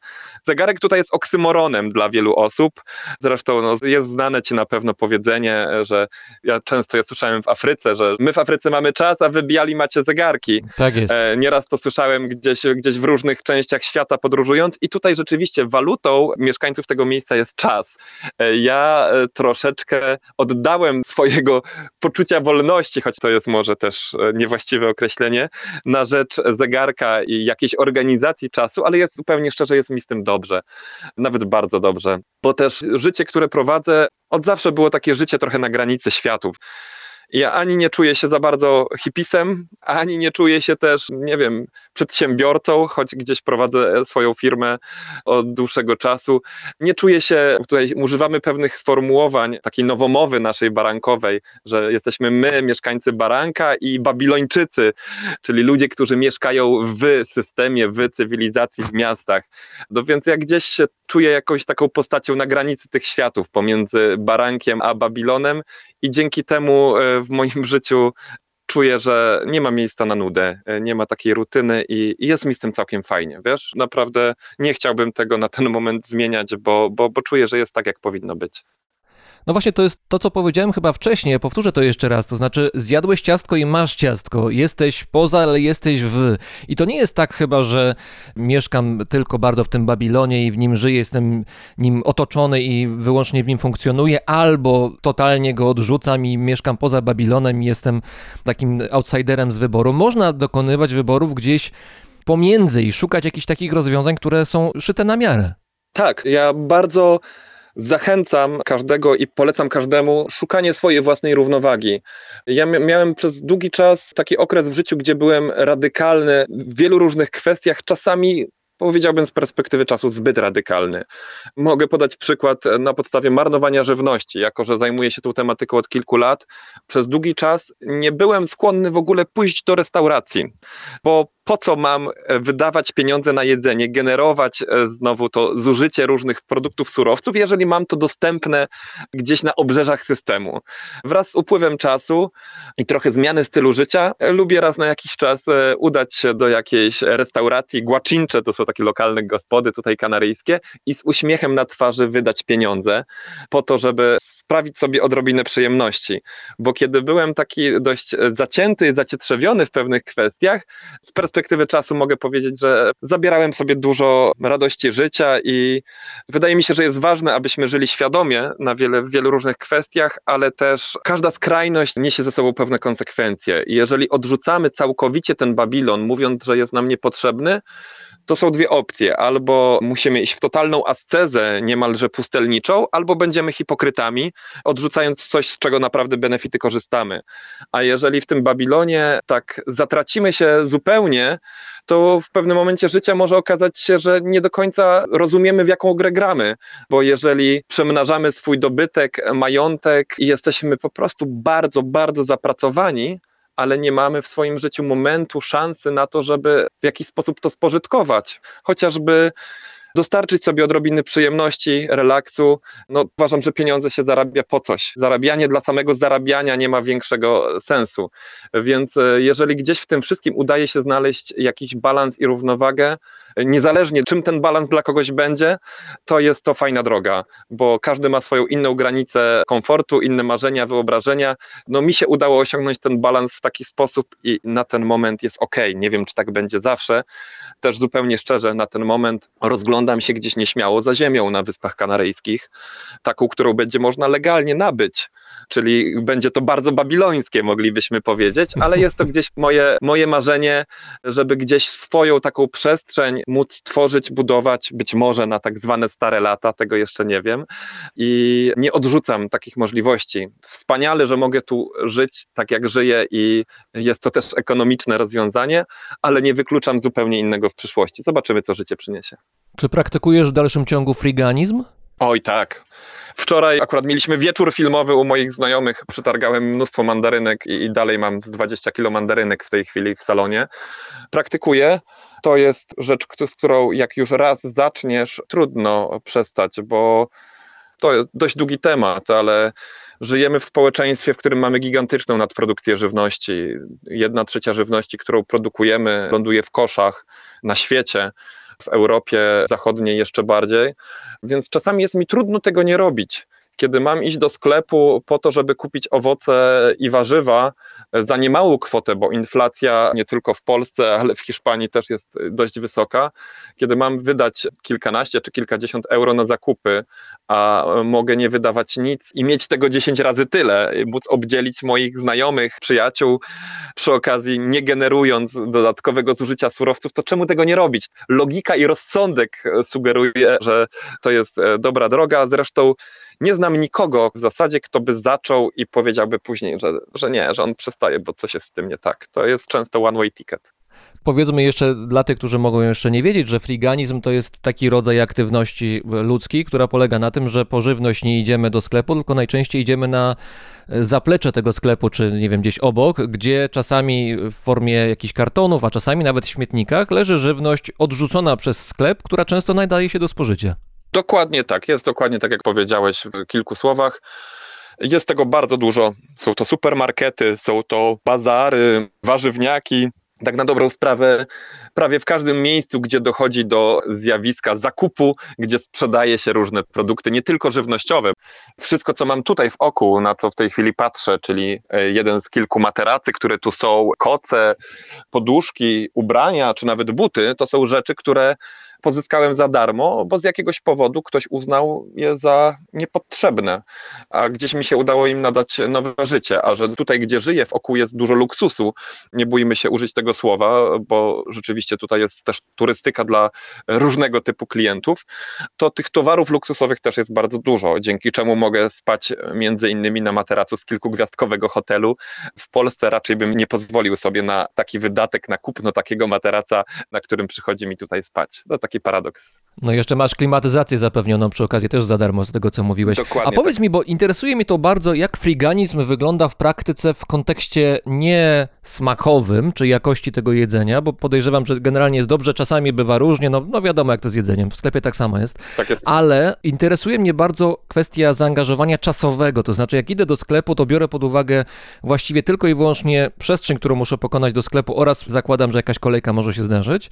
Natomiast z friganizmem jest chyba tak, że ja nie wiem, czy dane polowanie zakończy się sukcesem od razu, może się w ogóle nie zakończy sukcesem, może trafię na żyłę złota i wrócę z 50 kg mandarynek, a może wrócę z niczym. Więc jakiś czas dodatkowy chyba muszę na to poświęcić. Użyłeś fajnego określenia, polowanie. Ja też tak często mówię, że, że, że ruszam na łowy. No tutaj ponownie wracamy do waluty, której używamy. Kiedy idziesz do sklepu, masz wszystko na wyciągnięcie ręki, wydajesz swoje pieniądze i otrzymujesz natychmiastowo produkt. W tym przypadku musisz wydać swój czas, czyli udać się do odpowiednich miejsc o odpowiednich porach, mając nadzieję, że znajdziesz to, czego poszukujesz, ale czasami możesz wrócić z pustymi rękami i wrócić jedynie z rozczarowaniem. Dlatego też rzeczywiście wymaga to zaangażowania czasu i sił, bo wiesz, no ja w, akurat w tej chwili przemieszczam się samochodem, jestem mobilny, co jest bardzo dużym komfortem, natomiast większość osób przemieszcza się pieszo, więc często musi pokonywać kilkanaście kilometrów w ciągu dnia, żeby to darmowe pożywienie zdobyć. Więc na pewno jest to pewnego rodzaju cena, którą trzeba zapłacić i ja też często powtarzam takie zdanie usłyszane kiedyś, że friganizm to taka restauracja, która za ciebie zdecyduje, co zjesz dzisiaj na kolację. Bo kiedy marzy ci się zjedzenie, skonsumowanie jakiejś potrawy, normalnie po prostu robisz listę zakupów, kupujesz co trzeba i wychodzisz. A tutaj powiedzmy marzy ci się, dajmy na to, zupa pomidorowa, ale znalazłeś 10 kilo kalafiorów, no to zapomnij o pomidorowej i zastanów się, co możesz zrobić z tego kalafiora. E, Wymaga to na pewno dużej elastyczności i dostosowywania się do bieżącej sytuacji oraz pewnego rodzaju zrezygnowania z oczekiwań, bo musisz się nastawić na to, że zdajesz się na los i twoja dieta może być zależna od tego, co się pojawi. Szczęśliwie zwykle tego się pojawia bardzo dużo, więc pole manewru jest spore. Ja akurat jestem bezmięsny od kilku lat, więc tak naprawdę pole manewru z warzyw, owoców, kasz, ryżów jest e, bardzo, bardzo duże, ale też nie ukrywam, że czasami robię normalne zakupy. Akurat bardzo lubię kuchnię azjatycką, więc u mnie na przykład regularnie mleko kokosowe, chociażby, czy różnego rodzaju przyprawy e, często zakupuję, bo po prostu mam taką zachciankę. A bywa czasami tak, że podjeżdżasz samochodem pod śmietniki przy sklepach i tam szukasz? No bo wiesz, czasami jest tak, że, czy zazwyczaj chyba jest tak, że kojarzymy stereotypowo to, że jeżeli ktoś szuka po śmietnikach, szuka w takich miejscach, do których większość z nas pewnie nie zagląda i nie chciałaby zaglądać, no to kojarzymy to z osobami, które no, nie mają zbyt dużo gotówki, albo z osobami też, które borykają się z bezdomnością. A tutaj, nie wiem, zakładam, że może być tak, że podjeżdżasz autem i, i szukasz w śmietnikach. Oczywiście, zwykle tak to wygląda. Mogę ci powiedzieć w formie anegdoty, akurat nie kanaryjskiej, ale związanej bezpośrednio e, w sumie z okresem tego lata. Pracowałem latem tego roku jako menadżer w sieci barów na największych festiwalach muzycznych w Niemczech. Mieliśmy kilkudziesięciu pracowników, z czego niektórych też mieszkańców tutaj Baranka, moich sąsiadów, których miałem okazję w pewien sposób zatrudnić. No i również, żeby ludzie nie musieli płacić za jedzenie w pewnych okolicznościach, pomagałem im wyjeżdżając sobie na łowy samochodem firmowym od mojego szefa, więc było to dość, było to dość zabawne, bo to było Audi Q5, wiesz? Więc podjeżdżałem Audi Q5 e, po zamknięciu na zaplecza tam różnych Aldi Netto czy innych Lidlów w Niemczech i do takiej luksusowej fury pakowałem rzeczy ze śmietników, po czym jechałem na pole namiotowe i, i rozdawałem po prostu dziesiątki kilogramów jedzenia moim znajomym i, i pracownikom. Więc jak widzisz, to zderzenie światów potrafi być e, bardzo różne i powiem ci szczerze, że lubię to. Lubię, lubię ten kontrast rzeczywistości. To, że możesz podjechać luksusowym samochodem po to, żeby przegrzewać śmietniki i czuję się w tym całkiem dobrze. Nie przeszkadza mi to i nawet uważam, że to jest taki fajny chichot losu. I to też pokazuje, że właśnie niekoniecznie musi to być adresowane tylko dla ludzi, którzy koniecznie są bezdomni, ubodzy, w bardzo trudnej sytuacji materialnej. To po prostu zależy od naszego wyboru. Rzucić wszystko i zamieszkać w grocie na Teneryfie, no to brzmi bardzo ładnie jako hasło, tylko że Hasła są tylko hasłami i nie zawierają w sobie złożoności, którą ma w sobie życie. Hasła zwykle szukają jakichś uogólnień, e, a nie detali i niuansów. Tymczasem mieszkając w takim miejscu, w którym ty mieszkasz od tych dwóch lat, z przerwami, na pewno takie detale i niuanse byłeś w stanie dostrzegać, zarówno patrząc na siebie, ale też patrząc na innych ludzi z okolicznych grot, tych jaskiń zaraz obok, no bo tam jest cała taka społeczność, która nie wiem na ile jest zwarta, na ile jest rozproszona, ale no jakaś jest, to może o tych sąsiadach porozmawiajmy. Jak ich drogi życiowe wyglądają na tyle, na ile ich znasz? Czy to są drogi podobne do ciebie, czy ty jesteś wyjątkiem, czy jest jakiś standard taki, który dotyczy większości tych ludzi? Te drogi są bardzo różne. Mogę powiedzieć, że jestem powiedzmy jednym z wyjątków, jeżeli chodzi o, o zderzenie tych dwóch światów ze sobą i gdzieś przemykania się pomiędzy Barankiem a Babilonem ale też myślę, że wiele osób na przestrzeni lat wypracowało swoją drogę bo tutaj bardzo popularne są różne formy zarobkowania związane z taką sztuką ulicy, jak zresztą w wielu innych miejscach świata, więc mamy tutaj grono bańkarzy, osób, które zawodowo robią bańki mydlane. A to jest trudne w ogóle? Powiedz mi, bo ja kiedyś próbowałem się nauczyć trochę robić te większe bańki, jak się mówię, takich bańkach o średnicy co najmniej pół metra. Tak. No, fachowcy robią chyba jeszcze większe. Tak. Czy próbowałeś tego y, kiedyś na, na własnej skórze? To jest jakoś bardzo trudne? Czy to wymaga głównie sprzętu, dobrej mieszanki, nie wiem, mydła czy czegoś tam i, i już załatwione? Wiesz co, próbowałem i nawet mam takie zestawy. Akurat kolega, mój sąsiad z Baranka na festiwalu, który organizuje, robił nawet warsztaty baniek mydlanych A. i to nie raz. Wiesz co, to nie jest trudne, jeżeli tylko masz e, recepturę, umiejętności, bardzo szybko możesz zdobyć, więc to jest jedna z takich prac. Oczywiście możesz stać się artystą w swojej sztuce, jak w każdej innej, bo też można być e, bańkarzem, e, czarodziejem tak naprawdę. Natomiast myślę, że nie posiadając dużych umiejętności w ciągu kilku godzin czy paru dni, jesteś w stanie na tyle opanować sztukę tych baniek, żeby móc dostarczać radość innym ludziom. I wbrew pozorom, robiąc takie bańki mydlane, kiedy tak e, wypytuję, to jest częsta rozmowa, gdzie byłeś i o ile zarobiłeś na bańkach na przykład, to są kwoty, które wcale są niemałe. Jeżeli byśmy spojrzeli na płacę minimalną na Wyspach Kanaryjskich, czy powiedzmy w Hiszpanii, bo mamy te same stawki, to e, wydaje się tutaj całkiem atrakcyjnym rozwiązaniem robienie takich baniek. Do tego mamy wielu muzyków, twórców rękodzieła. Są też osoby, które decydują, decydują się na tradycyjne formy, tak zwane siedzenie na kubeczku, czyli nie powiedzielibyśmy wprost żebranie. Każdy tutaj ma swoją drogę. Są też osoby, które żyją prawie całkowicie bez pieniędzy, opierając się właśnie czy na friganizmie, czy na uprzejmości, jakiejś dobroci wielu ludzi i z tym się wiąże szereg konsekwencji bo zwykle jest tak, że jeżeli, to jest moja obserwacja taka, bardzo często osoby, które żyją prawie całkowicie bez pieniędzy lub z bardzo niewielką ilością pieniędzy, dużo uwagi poświęcają mówieniu o tym. Bo to jest pewnego rodzaju ograniczenie, chociażby środki pieniężne są potrzebne, żeby opuścić wyspę, żeby kupić sobie bilet gdybyśmy chcieli z jakiegoś powodu wyjechać. A ten temat oczywiście się pojawia gdzieś raz na jakiś czas, choć są osoby, które tutaj trafiły raz i, i mieszkają od kilkunastu lat, dały się wciągnąć zupełnie bez reszty, no to ten temat powrotów, szczególnie wraz z nadejściem lata, się pojawia. No i to zwykle jest tak, że jeżeli czegoś nie mamy, to często absorbuje to dużo naszej uwagi.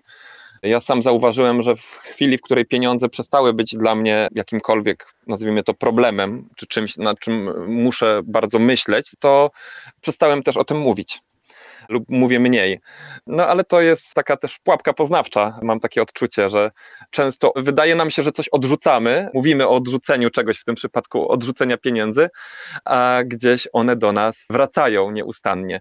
I to są takie zmiany, których widzę tutaj e, najwięcej, że niektórzy znajdują swój sposób na życie, zarobkowanie, odnalezienie gdzieś drogi, tak aby móc tutaj w miarę szczęśliwie i bezstresowo żyć, a niektórzy po prostu też totalnie dają się wciągnąć w barankową przestrzeń, która sprawia, że później jest to trochę taka droga bez odwrotu dla wielu ludzi, że po prostu tak bardzo to życie, które jest tutaj dość wygodne mimo wszystko, wymaga zaangażowania, czasu, energii, ale mając Babilon pod ręką, Babilon dostarcza ci wszystkiego, czego potrzebujesz. Dostarcza ci pożywienia, dostarcza ci ubrania, dostarcza ci wszystkiego, co potrzebujesz, żeby przetrwać na tym podstawowym poziomie.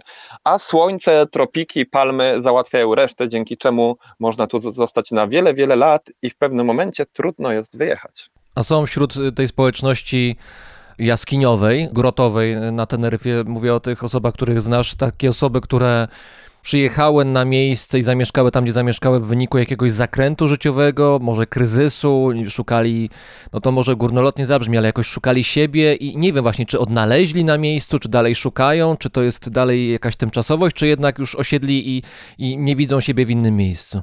Myślę, że jest bardzo dużo takich ludzi. I to nie tylko na Teneryfie, ale gdybyśmy spojrzeli szerzej na podróżowanie, przecież podróżowanie, wyjechanie w podróż i rzucenie tego, to słynne rzucenie wszystkiego i wyjechanie w Bieszczady dookoła świata czy na Teneryfę, to bardzo często jest mechanizm ucieczki. Ja sam pamiętam, że u mnie to też tak zadziałało wiele lat temu, w tym okresie, kiedy zakładałem bloga 8 lat temu, kiedy ruszałem autostopem do Indii. Też przed czymś uciekałem w wyniku jakiegoś właśnie splotu zakrętów życiowych musiało minąć wiele lat i wiele w moim życiu musiało się wydarzyć, aby to przestała być ucieczka, a żeby to była przyjemność, żeby to po prostu było życie, żeby to stało się częścią mojego życia.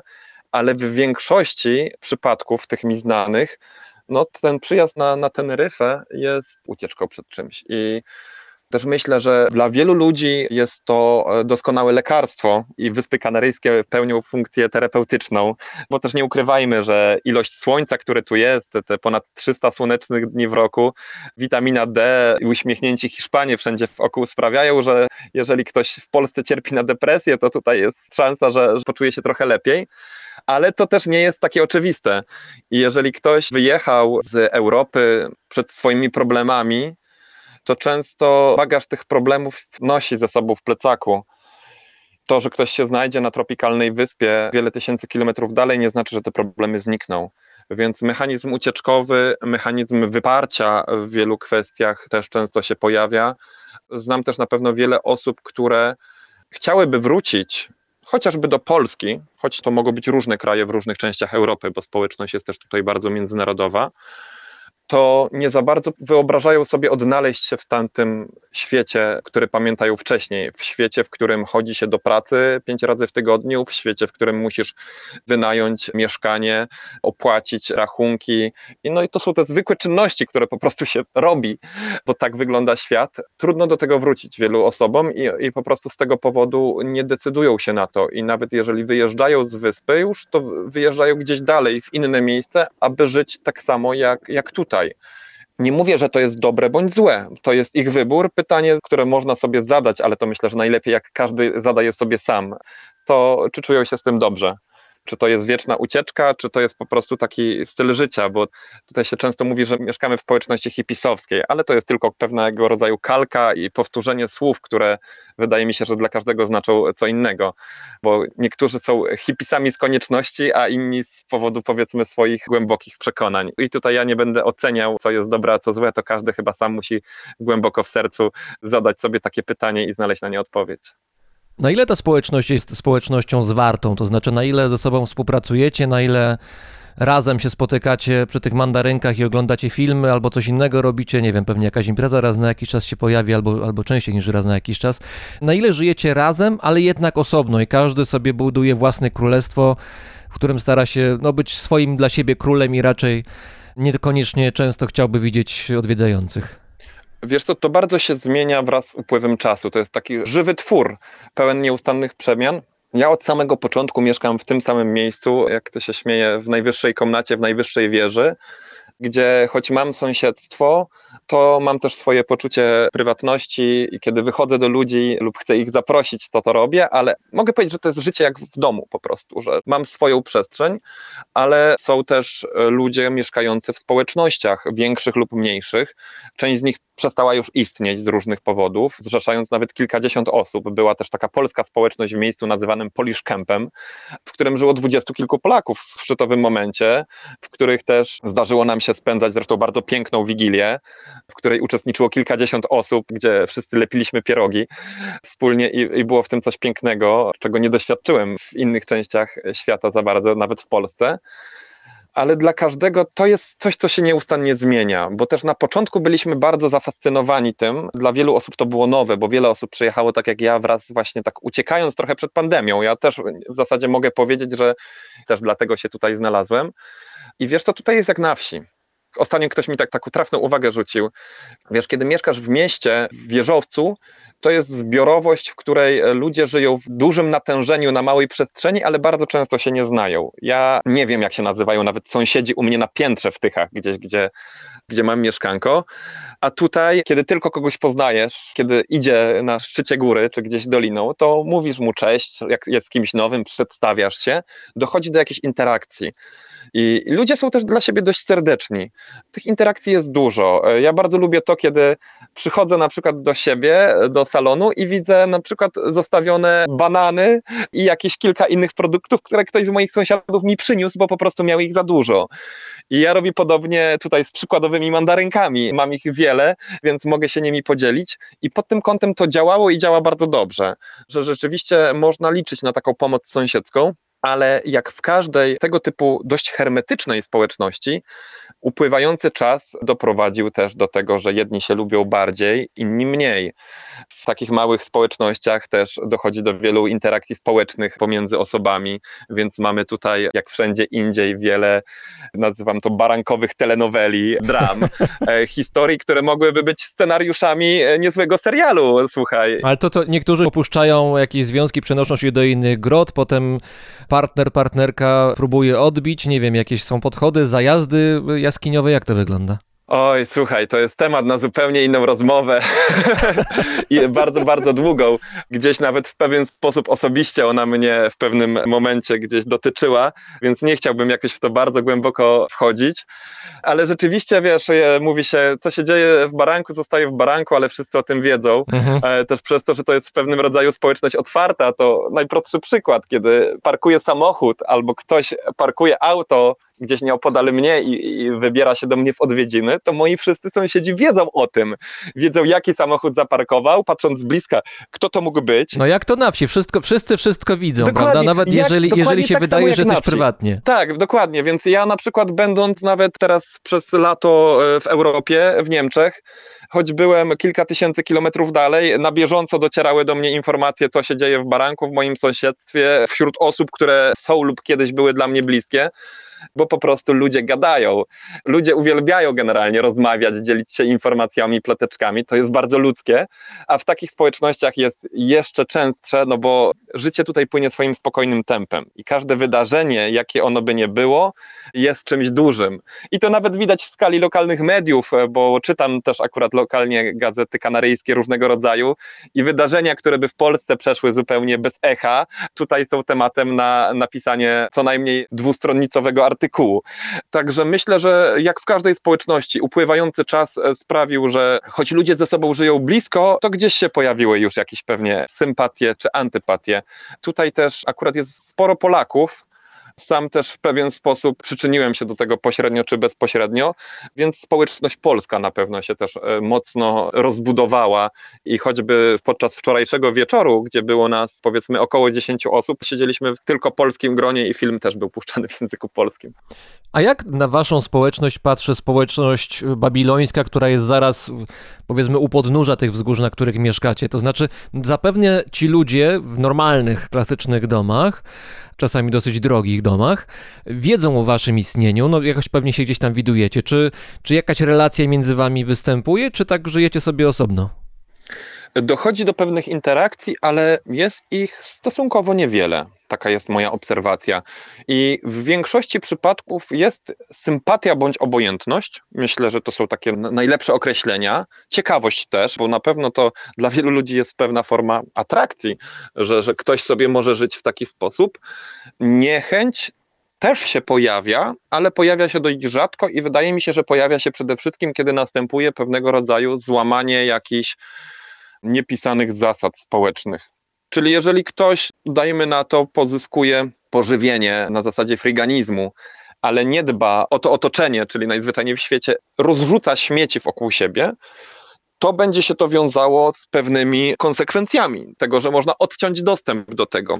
I też w miejscu, powiedzmy, w zasięgu obszaru tego miejsca, gdzie żyjemy, ale no, już pół godziny drogi ode mnie pieszo, o, użyję takiej skali, doszło do eksmisji w tym roku na tle powiedzmy historyczno-kulturowym, bo był tam pewien szlak turystyczny, gdzie nie chcieli, aby ludzie mieszkali, kiedy jest to miejsce popularne wśród turystów i było też tam bardzo dużo śmieci.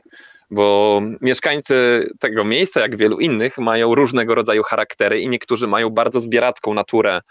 Na tyle zbieracką, że ich obozowiska mogą się zmieniać w wysypiska śmieci. I często to wygląda, czasami pachnie też nieprzyjemnie i prędzej czy później mogą się pojawić konsekwencje. Żyjemy w naturze, ale no nie jest to nasz teren do końca. Zaburza to pewnego rodzaju poczucie estetyki czy normy panujące. To trzeba się liczyć z tym, że prędzej czy później pojawią się jakieś konsekwencje. Podobnie temat imprez jest dość takim tematem dyskusyjnym i newralgicznym, bo ludzie tutaj w większości, choć nie wszyscy, bardzo lubią różnego rodzaju imprezy to um, robiąc takie imprezy w miejscu, w którym mieszkasz, musisz się liczyć z tym, że komuś może to zacząć przeszkadzać. I rzeczywiście tutaj też pojawiały się takie historie, że gdzieś mniej lub bardziej legalne imprezy, raczej nielegalne, nazywane rejwami, imprezy muzyką elektroniczną, wiązały się z konsekwencjami. Konsekwencjami wizyty na przykład policji i tym, że miejsce to było w pewien sposób nacenzurowanym.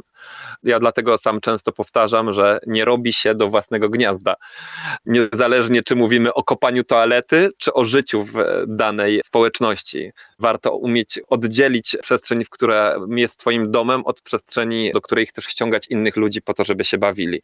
I to jest akurat idea, która mi przyświeca. Na szczęście wydaje mi się, że większość moich kolegów i koleżanek też to rozumieją w tej chwili. Przyjechałeś na miejsce i zamieszkałeś w grocie w jaskini na Teneryfie dwa lata temu. To był twój dom wtedy przez no, dłuższy czas, natomiast tak jak sam powiedziałeś, teraz pół roku spędziłeś w Europie kontynentalnej, Tak. więc wychodzi na to, że trochę to miejsce, ta grota, ta jaskinia stała się taką, nie wiem, czy letnią rezydencją, takim Zimową kolejnym rezydencją. twoim, tak, zimową rezydencją, kolejnym takim miejscem, w którym bywasz, czy jednak to cały czas jest jakoś bardziej twój dom? Czy to, to miejsce zasługuje dalej na tę definicję? To jest mój dom. Wiesz co, mogę śmiało i z pełnym e, przekonaniem powiedzieć, że to jest mój dom. I po raz pierwszy poczułem to, kiedy wróciłem tu w zeszłym roku, w listopadzie. Zawsze miałem tak, że podróżując bardzo dużo, spędzałem kilka miesięcy w skali roku poza granicami kraju. Niezależnie od tego, czy wynajmowałem mieszkanie, czy gdzieś miałem swoje mieszkanie, to zawsze wracałem do Polski, wracałem do Tychów często, z których pochodzę, choć nie tylko, bo mieszkałem też w innych miejscach. I zawsze, choćby to był długi okres czasu, to zawsze było to poczucie, że wracam do Polski. W tej chwili, jak przyjeżdżam do Europy, czy nawet do mojego rodzinnego miasta, troszeczkę się to zmieniło. I choć mam wciąż bliskich, przyjaciół, moją mamę, których bardzo lubię odwiedzać i spędzać z nimi czas, to już mam trochę takie poczucie, że jestem tam bardziej w odwiedzinach. A kiedy przyjeżdżam tutaj, to jest taki gdzieś pojawia się wewnętrzny spokój, taki głęboki oddech i poczucie, myśl jakaś taka. Wróciłem do domu, jestem w domu, więc, więc to się zmieniło. A to, że mnie nie ma przez kilka miesięcy, to akurat pozostaje bez zmian, bo jestem istotą, która żyje w drodze i, i nie chcę tutaj używać wyświechtanych określeń, że świat jest moim domem, ale zwykle posiadanie plecaka, karimaty czy hamaku wystarczało mi do tego, żeby mieć to poczucie domu, które przemieszcza się wraz ze mną. I ta letnia czy też zimowa rezydencja jest w tej chwili moim głównym główną bazą, moim base campem. Także tak, teraz to jest mój dom. Nie wiem, czy tak będzie zawsze, bo gdzieś zaczyna mnie też ciągnąć w świat, ale przebywając na Teneryfie, po raz pierwszy w życiu na jakiś czas odechciało mi się podróżować. Może to już jest wiek też i upływający czas, ale kiedyś miałem, kiedyś miałem tak, że cały czas nie kończyłem jednego wyjazdu, a już myślałem o kolejnym i w ciągu roku bywałem w kilkunastu krajach. Teraz mam tak, że sprawia mi przyjemność przebywanie tutaj. Oczywiście to jest też prostsze, kiedy w Polsce jest minusowa temperatura, smog, a tutaj kąpiel w oceanie, słońce i, i palmy. Rzeczywiście to daje troszeczkę większe poczucie komfortu, ale ten pobyt na Kanarach sprawił, że polubiłem odkrywanie lokalne świata. Hiszpania jest wciąż dla mnie nowym krajem, choć mieszkam już tutaj trochę, to żeby poznawać ją kulturowo, żeby uczyć się języka, żeby poznawać lokalne zwyczaje, fiesty. Kanary mają mnóstwo bardzo fajnych, różnych tradycji, które warto zgłębić, więc będąc tutaj czuję, że jestem w domu, ale mogę ten dom cały czas poznawać i poszerzać jego horyzonty. I to jest piękne. Czuję się z tym bardzo fajnie. Nie wiem, czy tak będzie zawsze. Myślę, że prędzej czy później wyjadę gdzieś w drogę. Ostatnimi czasy, już od wielu lat, myślę akurat o Ameryce Południowej rowerem i gdzieś bym chciał przejechać rowerem tutaj przez Chile, Peru, Boliwię, Kolumbię, więc to jeżeli już to zrobię, to pewnie będzie dłuższy wyjazd. Natomiast póki co gdzieś wciąż poznaję nowy dom i jest mi z tym ok. To teraz pewnie część słuchaczy zadaje sobie pytanie, no dobra, tyle gadają już o tej Teneryfie, o tych pięknych okolicznościach przyrody, jak jest fajnie i dobrze i znakomicie, to niech wreszcie powiedzą, gdzie można pojechać, bo może jakaś grota dla mnie wolna będzie. Ale nie, celowo umówiliśmy się, że nie będziemy podawać konkretnej lokalizacji, w której w tej chwili się znajdujesz. Tak, przede wszystkim nie chcę brać na siebie odpowiedzialności za niekontrolowany przypływ ludzi. To jest raz. Dwa, że nie chciałbym, aby to, o czym rozmawiamy, brzmiało, choć pewnie dla niektórych będzie brzmiało, w jakiś taki cukierkowy i wyidealizowany sposób bo naprawdę sporo ludzi, którzy się tutaj znaleźli, czy to moi bliżsi znajomi, czy osoby, które gdzieś poznałem na swojej drodze, spróbowały tego życia nawet na kilka dni, po prostu gdzieś będąc u mnie w gościach, czy szukając dla siebie miejsca, i okazało się, że to nie jest dla nich. Że to życie w baranku na obrzeżach systemu jest tak naprawdę bardzo wymagające i wiąże się z bardzo wieloma wyrzeczeniami, które dla mnie są czymś zupełnie normalnym, ale dla wielu ludzi, może nawet dla większości ludzi, będzie pewnego rodzaju barierą nie do przeskoczenia. A poza tym już mam tutaj w swoim sąsiedztwie sporo znajomych z Polski, z mojego rodzinnego miasta, z Tychów też mam kilka osób i czuję, że nasycenie polskością już jest tutaj wystarczające. Nie chciałbym zupełnie zaburzyć tej pewnego rodzaju e, równowagi, żeby ten baranek nie był już zupełnie polski, a poza tym e, wydaje mi się też, że najlepiej, aby każdy przebył swoją własną drogę, bo takich miejsc zarówno na Teneryfie, jak i innych wyspach kanaryjskich, czy dalej patrząc na kontynentalnej Hiszpanii jest bardzo dużo.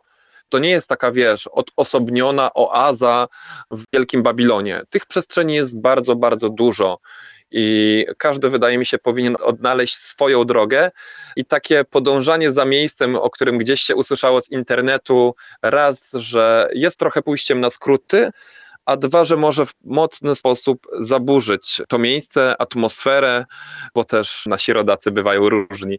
Zwykle jest tak, że jeżeli trafiamy gdzieś, bo tak nas poprowadził los, bo poznaliśmy odpowiednie osoby w odpowiednim czasie, jest to związane z tym, że my mniej lub bardziej pasujemy do tego miejsca, że gdzieś nas tak zaprowadziło, że mieliśmy się tu znaleźć.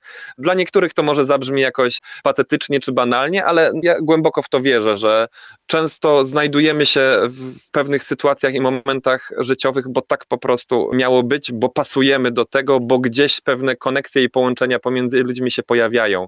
Kiedy idziemy tą drogą na skróty, to często działa to zupełnie inaczej. I ja sam, powiem Ci szczerze, dostaję naprawdę, mimo tego, że ja nie żyję aktywnie jakoś bardzo w social mediach, nie publikuję na swoim Facebooku, Instagramie już od bardzo długiego czasu żadnych postów, to każdego dnia dostaję takie zapytania, czasami nawet kilka razy dziennie. I każdemu odpowiadam uprzejmie, ale, ale stanowczo, że no przepraszam, ale nie mogę się podzielić tym miejscem, tą informacją, bo chociażby najprostsza sprawa. Słuchaj, no klucz jest pod wycieraczką zawsze. Nie mam tutaj drzwi, nie mam zamka. Nie chciałbym, aby mój dom stał się atrakcją turystyczną. To jest takie, wiesz, minimum prywatności i higieny życia codziennego, o którą warto zadbać. Dlatego ja też bardzo apeluję, może nie bardzo, ale apeluję, że jeżeli wśród naszych słuchaczy są ludzie, którzy po tej rozmowie zapragnęliby nagle rzucić wszystko i, i wyjechać do jaskini, zastanówcie się dwa razy. I myślę, że najlepiej jest znaleźć w tym wszystkim swoją drogę i wtedy wszystko potoczy się tak, jak powinno. Więc proszę o zrozumienie i wybaczenie tego, że zostawimy w tym wszystkim lekką nutkę niedopowiedzenia i tajemnicy. A prawda jest taka, że jeżeli komuś zależy, to i tak trafi tam, gdzie ma trafić i wcale to nie będzie takie trudne. Zdzichu, ale tak między nami, jakaś wolna grota tam jeszcze jest? Tak. Dobrze, dziękujemy bardzo. Zdzik Rabenda był razem z nami, autor bloga Takie tam Stripa, organizator festiwali podróżniczych. No znana postać w środowisku podróżniczym, aktualnie przebywająca gdzieś na Teneryfie w swojej prywatnej, własnej jaskini, która jest własnym, prywatnym, fajnym światem. Bardzo Ci dziękuję. Wszystkiego dobrego. Dziękuję pięknie za rozmowę, było mi bardzo miło, pozdrawiam. No i do zobaczenia gdzieś w świecie.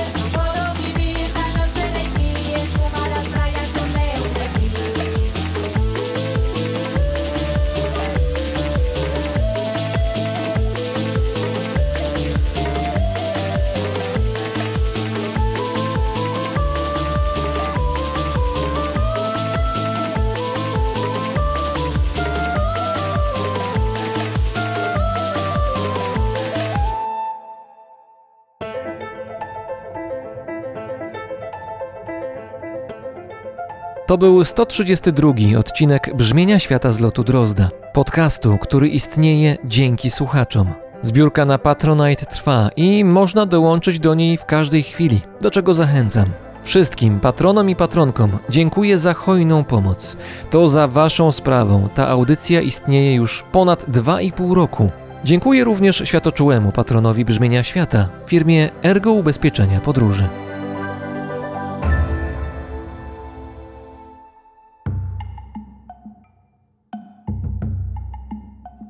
Paweł Drozd, czyli ja, mówi Wam dobrego dnia.